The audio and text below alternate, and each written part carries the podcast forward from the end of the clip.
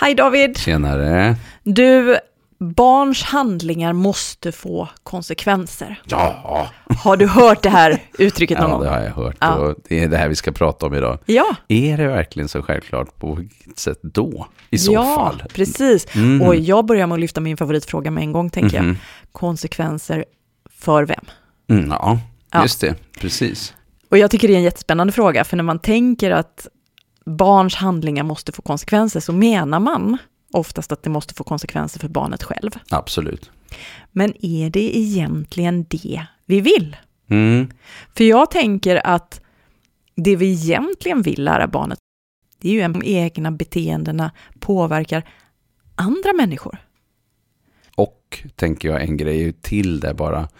Strategier att kunna klara av saker och ting framöver. Och kommer det bara rakt upp och ner naturligt av att man får En konsekvens. en konsekvens? Ja, du har inte märkt det? Om din fru skäller på dig, så du bara, åh, nu har jag lärt mig. Här har vi en annan skillnad då, och det är ju dock att eh, vi vuxna, vi förändras trots allt en smula av konsekvenser. Mm. Eh, och då tänker vi att det är naturligt för alla människor och inklusive alla barn. Mm. Eh, men eh, de som möjligen påverkas mest utav eventuella konsekvenser, eller som hittar ny, de som hittar nya former för hur man ska göra av en konsekvens, det är ju de som eh, liksom har lätt att hitta strategier. Men är det oftast de som vi Hundra. tänker ska ha de här konsekvenserna? Nej, det är det ju inte. Nej. Det är ju barnen med svårigheter Det är oftast. det. Ja, Mm. Och de har ju oftast just svårt med att hitta lämpliga och bra och vettiga och smarta strategier i svåra lägen. exakt. Och det är då man ska banka in med någon konsekvens och tro att det ska leda till att de plötsligt, som Ja. en blixt från en klar himmel, blir så skarpsynta. Ja, eller hur? Ja. Ja, den, är, Mm. den är speciell. Jag tänker också om någon utsätter mig för en konsekvens, Mm, då blir ju jag, i det läget, då blir jag ganska självupptagen. mm, Då tänker jag, fy fan, rent ut sagt, vad han var dum mot mig nu. mm. Och han förstod inte, du hör att det är en han, det är alltid Mm. det, eller hur? Jaha, ja, männen är dumma. Mm. Nej. Eh, nej, det kan vara en hon också. Mm. Men konsekvenser gör ju den som blir utsatt för konsekvensen ganska självupptagen. Mm. Och det är precis motsatsen till det vi egentligen vill Nej, det, när vi tillämpar konsekvenser. För vi vill ju att barnet ska sluta göra så här för att det drabbar andra människor. Mm. När Kalle är dum mot Stina så vill vi att Kalle ska sluta vara dum mot Stina för att Stina blir ledsen. Mm. Men när Kalle får en konsekvens för att han var dum mot Stina, Ja, då kommer ju Kalle att fokusera mest på hur dumma de var som gav honom en konsekvens. Han kommer att tänka ganska lite på hur hans beteende påverkade Stina. Så jag intressant. tänker att konsekvenser faktiskt nästan motverkar Mm.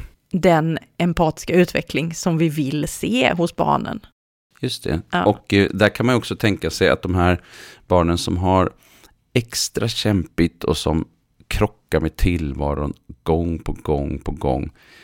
De har ju inte alltid heller världens bäst utvecklade förmåga att just få den här känslan för empati och förstå de där konsekvensernas, liksom, Mm. och, och att göra, omsätta det i någon vettig handling i något annat sammanhang när de blir förbannade nästa gång. Så att det blir väldigt mycket ett slag i luften Mm. många gånger Mm. och riskerar ju att leda till en, en, en, liksom en negativ spiral. Mm. Och skadar relationen, tänker jag, Mm. Eh, mellan den som ger konsekvensen och den som blir drabbad av Mm. konsekvensen. Mm. Så att eh, här eh, finns det ju ett eh, jättedilemma Ja. när vi tänker den, den här liksom hårda och lite drivna hållningen som finns hos en del om att det är det här som är rätt väg att gå. Mm.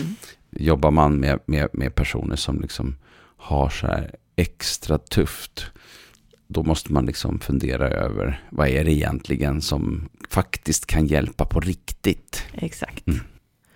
Du, det finns, har jag tänkt på, eh, när man, de som väljer att jobba med det som kallas för konsekvenspedagogik. Mm. Eh, ska vi definiera det ordet först David? Vad betyder det, konsekvenspedagogik? Om vi använder det, vad menar vi då? I grund och botten är det precis det vi har pratat om. En pedagogik som går ut på att vi ger konsekvenser, det blir nästan som utdömer någon form av konsekvens i relation till vissa typer av handlingar. Och det handlar ju i grund och botten om beteenden som vi inte uppskattar, som, som inte är efter, Exakt. eh, längtade efter strändernas värde och som man hoppas på. Utan, utan just för, för sådana, ja, det som vi kan kalla problemskapande Ja, beteenden. om Så- du gör så här Mm, så så. kommer jag att utsätta dig för Mm. det här. Och det kan ju vara lite av olika slag då. Det kan ju vara till exempel att då får du inte följa med på utflykten. Mm. Eller eh, du kan inte bete dig på det här sättet. För, för då, då, då blir det faktiskt ingen kaka. Och, och jag till och med, det där är ju inte jätteovanligt i familjer. Men även faktiskt i verksamheter ibland. Det var inte hundra år sedan jag var med om en sån situation. Där ett barn inte just skulle faktiskt få en kaka utav Mhm. alla slag. I en skolverksamhet, en sexåring Ja. som betedde sig illa Ja, för att Mm. han skulle lära sig. Eller skulle hon. lära sig. Och, Ja. och eh, det blev ju faktiskt bara värre och värre och värre för eh, liksom nästan varje dag som gick i det sammanhanget. Eh, därför att eh, det blev så mycket negativt Ja. runt varenda grej som hände. Och när det barnet sen kom in i ett nytt system med en ny lärare så förändrades jätte, jättemycket. Mm. Och det är ganska intressant va? för att den lä- nya läraren hade faktiskt en helt annan hållning och byggde relation Mm. och, och jobbade inte med det där konsekvensmässiga hela tiden. Eh, och det argsinta är ju också liksom, eh, om du gör så här så blir jag arg på dig och det Mm. ligger lite inbyggt på något sätt också. Mm. Mm. Så det är också en slags konsekvens. Absolut. Mm. Väldigt stark sådan. Jag tänker att under den här konsekvenspedagogiken så finns det åtminstone tre antaganden Mm. Om, om barn, om Mm. människor överhuvudtaget och om liksom lärande. Mm. Ehm, jag tänker det första antagandet, det är att barn är illvilliga. Just. Barn vill inte väl eh, och därför så måste vi straffa. För det är ju egentligen det, det vi Straffa, säger, tukta. negativa konsekvenser, Ja, men det är same shit different name tänker jag. Mm. Ehm, eftersom du inte vill väl Mm. så måste jag visa dig att dina handlingar får negativa konsekvenser. Just det. Ja. Just det. Eh, vilket i sig är ganska intressant eh, för eh, det finns ju andra antaganden som till exempel att människor i grund och botten är samarbetsorienterade. Mm. Men att en del kanske inte har eh, alla de förmågor och färdigheter som krävs för att man ska lyckas i alla de här situationerna som, som vi har i, i vår komplicerade vardag. Och det är väl typ det antagandet som du och jag utgår från Mm, i vårt arbete. så är det. Ja. Ett annat antagande som ligger till grund för den här konsekvenspedagogiken, eh, det är ju att barnet är omotiverat. Mm, Barnet inte vill, inte vill. göra rätt. Nej. Och därför så tänker man att jag som vuxen, om jag ändrar incitamentsstrukturen, så kommer barnet att vilja någonting annat. Och kan du definiera incitamentsstruktur då? Så man tänker att barnet tjänar på att göra fel. Mm. Nu ser ni inte mina citattecken i luften här. Men om jag då ändrar på liksom resultatet av den handlingen, så om du gör så här så kommer det här att drabba dig. Mm. Eh, då vinner barnet på att göra så här Mm, istället. Liksom. Så då är det jag som reglerar kostnader och vinster av att bete sig Mm. på ett visst sätt. Ja. Så, och genom att, att jag eh, hotar med en negativ konsekvens så kan Mm. jag göra barnet mer motiverat att bete sig rätt, Just så att det. säga. Mm. Mm.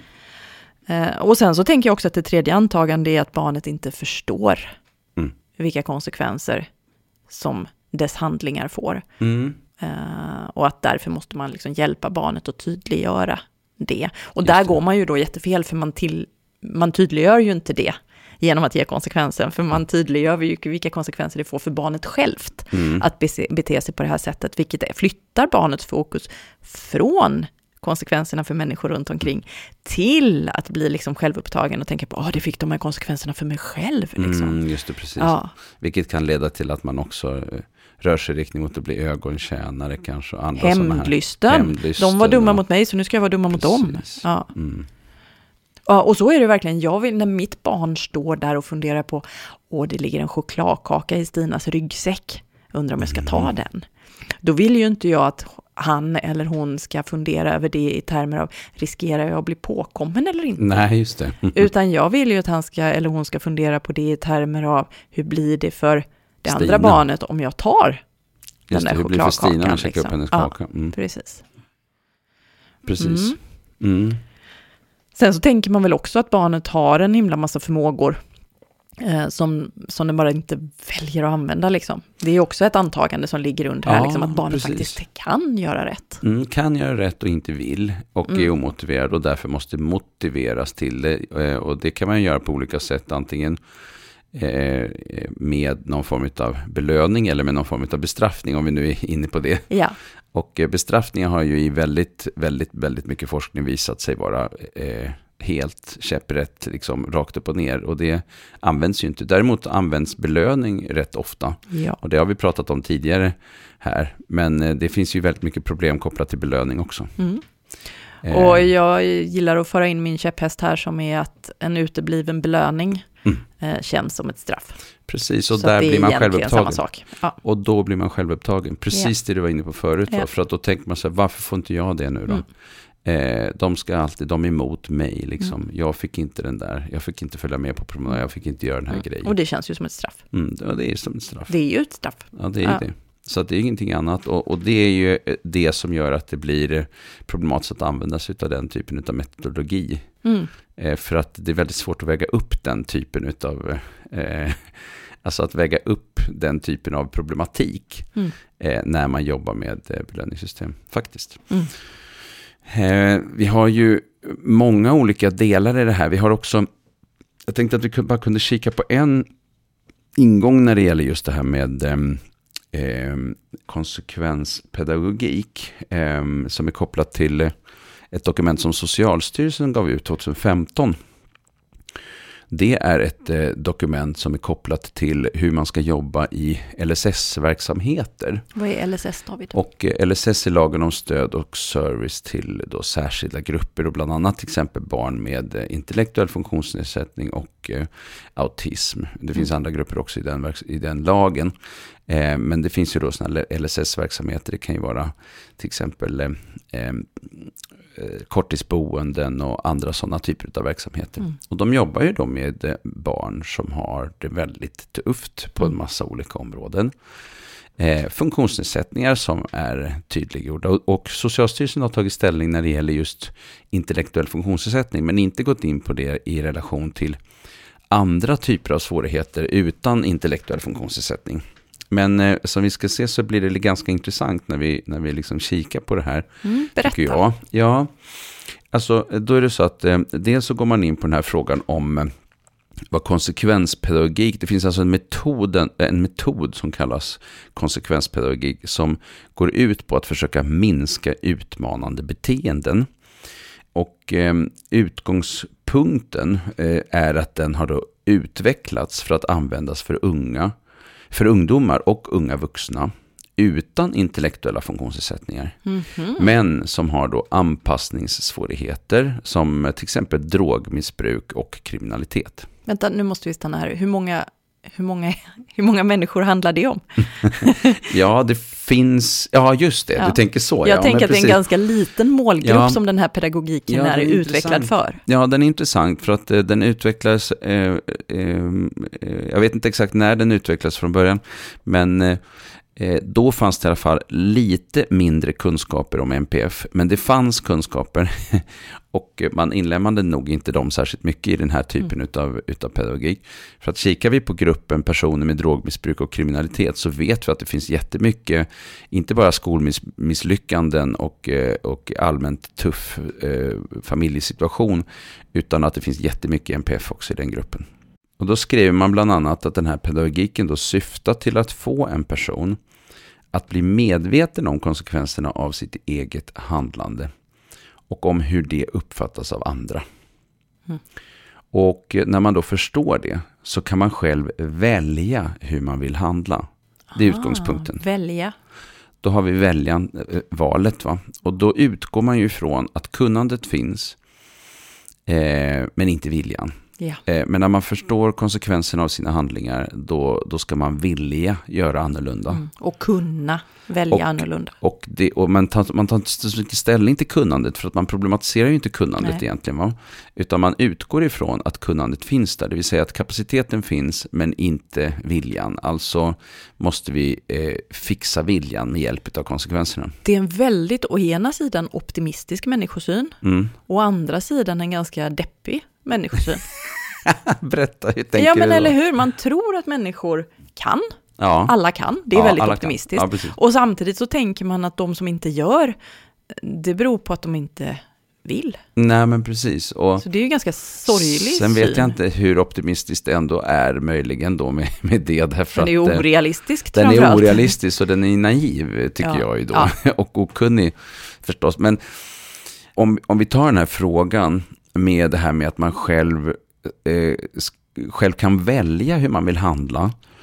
Eh, och så tänker vi inte bara intellektuell funktionsnedsättningar, utan vi tänker autism. Ja. Eller vi tänker ADHD. Mm. Eller vi tänker någon annan funktionsnedsättning. Eller bara Tourette, stress. stress, ja, precis. Ja. Och då eh, kommer man ju också till den här frågan, är det bara en fråga om vilja? Och även bland vuxna blir det intressant. va? Är det enbart en fråga om vilja? Eh, så. Eh, när, vi, när vi tänker oss att någon ska ändra sitt beteende i form Mm. av till exempel eh, börja motionera, sluta röka, eh, gå ner i vikt, eh, följa en medicineringsdos som en läkare har sagt. Alltså, vi, har, vi har miljarder exempel Mm. på vuxna människor som inte lyckas göra det som de egentligen har tänkt. Och vi är väldigt förutsägbara när det gäller, det är enormt många som köper träningskort precis efter nyårsafton. Och det är jättemånga som har slutat att träna i, redan i februari och ännu fler i maj. Liksom. Ehm, och den här rationella synen, Mm. den, den oroar mig väldigt mycket. Mm. För den, den känns som att man inte eh, liksom begriper sig på den mänskliga variationen. Och det tycker jag känns djupt, eh, djupt problematiskt. Mm. Det blir ju rätt skuldbeläggande också. Ja, verkligen. Ja. Mm. Så där har vi ju liksom också en, eh, ja, verkligen en problematik. Mm. Eh, Och när de fortsätter här lite grann så, så tydliggör de också att den här konsekvenspedagogiken bygger på att personen förstår orsakssamband. Mhm. Alltså, kan vi räkna med att barn, i grund, i grund och botten att barn klarar av att förstå orsakssamband, inte enbart barn och personer med funktionsnedsättningen, intellektuell funktionsnedsättning, utan också med andra funktionsnedsättningar. Och där har ju som sagt st- Socialstyrelsen enbart tagit ställning till, till det i relation då till intellektuell funktionsnedsättning. Men jag kan nog tycka att det här, här, här har vi liksom problem på andra områden också. Det de tydligt gör här det är att de säger att det här är inte en metod som ska användas. Det är det, de, det, är det, Mm. det här dokumentet går ut på. De har massa andra metoder som, som de tycker att man kan använda Yes. sig utav. Man pratar till exempel om att det är viktigt att ha kunskap om individers funktionstillstånd och funktionsnedsättningar och kommunikativa förhållningssätt. Eh, Man pratar om att det är viktigt att utesluta hälsoproblem av olika slag, alltså både fysisk och psykisk och smärta och allt möjligt. Man pratar om att eh, det är viktigt eh, eh, att skapa kognitivt tillgängliga miljöer. Mm. Eh, att använda alternativ och kompletterande kommunikation, det som kallas AKK, som funktionellt kommunikationsstöd. Fysisk aktivitet, man pratar om tydliggörande pedagogik, det rekommenderar man. Sociala berättelser och seriesamtal rekommenderar man. Lågaffektivt bemötande i sådana här våldsamma situationer och också det som kallas positivt beteendestöd. Så länge då man tar avstånd från aversiva tekniker. Alltså sånt det? som upplevs som obehagligt, begränsande eller bestraffande av den som utsätts för det. Ja. Och, och vi har ju varit inne på det lite för att eh, även utebliven belöning har vi pratat om som bestraffande. Så att, eh, Mm. så att där är frågan om det håller hela vägen då. Men, men eh, det är liksom grund, grundtanken där. ja. Så jag tycker att det här är intressant att Socialstyrelsen som ändå är en tung instans har gått ut och sagt att eh, konsekvenspedagogik är problematiskt. Och när de beskriver det så tycker jag att har man jobbat med det här med funktionsnedsättningar i, i långt över 20 år så blir man eh, eh, ganska liksom det blir ganska tydligt att eh, det är inte bara vid intellektuell funktionsnedsättning, det är bredare än så. Ja, och det är inte bara vid funktionsnedsättning ens, utan det Nej. är liksom vanliga barn i, i vanliga familjer och vanliga skolor. Eh, nu har inte Socialstyrelsen tittat på det, men jag tror att vi vågar påstå att det är problematiskt även i de här sammanhangen av precis samma anledningar som Socialstyrelsen hävdar att det är problematiskt vid intellektuell funktionsnedsättning. Man har helt enkelt orimliga förväntningar på eh, vad det ska leda till och vilka förmågor som den som blir utsatt för det har. Mm. Mm. Men du David, om, Nu har ju vi på något sätt sagt att barn beter sig inte illa för att de är illvilliga, för att de är omotiverade eller för att de inte förstår. Så varför beter sig barn illa då? Ja, men det finns ju en massa olika skäl till det. Eh, och det är klart att eh, dels har vi ju det faktum att vissa situationer helt enkelt är svåra. Mm. Och att man inte riktigt vet vad som blir bra. Sen är det klart att, eh, jag menar, barn kan reta varandra och hålla på och de kan säga taskiga saker och de kan liksom allt möjligt. Och frågan är när händer det? Och det, mm. när man analyserar den typen av situationer är det intressant. Då kan man fundera på i vilka situationer är det vanligt att sånt händer? Ja, till exempel när man är hungrig, trött, uttråkad. När det är otydlig, när, när situationen är otydlig. Är otydlig. Ja. Ja. Eh, och en massa andra sådana här situationer som gör att det ändå ibland faller tillbaka på liksom den, den vuxne eh, ja. eller de vuxna runt omkring barnen som ändå behöver liksom tänka till. Ja men okej, nu har vi rest länge med bilen om man är en familj liksom. Nu kanske vi måste göra paus för det här funkar inte längre. Nu är det så mycket tjafs där bak i baksätet liksom. Så att, så. Eller, eller vi kanske ska ha något system av rotation så att man har en vuxen som sitter emellan barnen där bak och någon, något av barnen sitter fram och så växlar man och så mm. kör man så, så roterar man mm. på ett schysst sätt. Eller, och så gör man lite aktiviteter och håller igång. Eh, liksom, för att det är för svårt att hålla igång så långt som en bilresa för ett barn att liksom hålla igång sig själv. Exakt. Även om de har en iPad så kanske de kanske ändå äh, tröttnar. Jag brukar tänka att det, om jag kategoriserar de där förklaringarna så skulle jag tänka att man kan, vi se om du håller med mig, att de i princip kan stoppas in i två kategorier. Mm. Barn beter sig illa när de inte har förmåga. Ja som lirar med situationen, när kraven överstiger förmågan i situationen. Det. det är det ena. Och det andra är att när barnen har eh, behov som mm. pockar på och behöver bli tillgodosedda mm. i stunden. Uh, nu behöver jag verkligen få gå och kissa eller jag behöver få vila eller jag har behov av att förstå. Mm. Uh, så antingen så kan man inte eller så förmår man inte för att det finns andra viktiga behov i stunden som pockar på uppmärksamhet. Ja, men precis. För att om vi tar den här situationen med liksom baksätet där igen bara som en sån där, mm. så tänker jag att ja, men då har vi ju ett, ett behov där kan ju vara att eh, nu har jag behov av att röra på mig eller göra någonting annat eller eh, jag som är uttråkad, eh, vet inte hur lång tid det tar, behov av att äta, behov mm. av att liksom så. Och sen då i den här stunden när jag har det här starka behovet så har jag inte förmågan att hitta en ny strategi, en annan strategi, något annat smart att göra. Eller liksom, och därför så börjar jag hålla på och tjafsa och greja och, och, och liksom terrar syr, lillsyrran eller vad Min förmåga till impulskontroll är Nej, kass. Liksom. då är det ja. precis.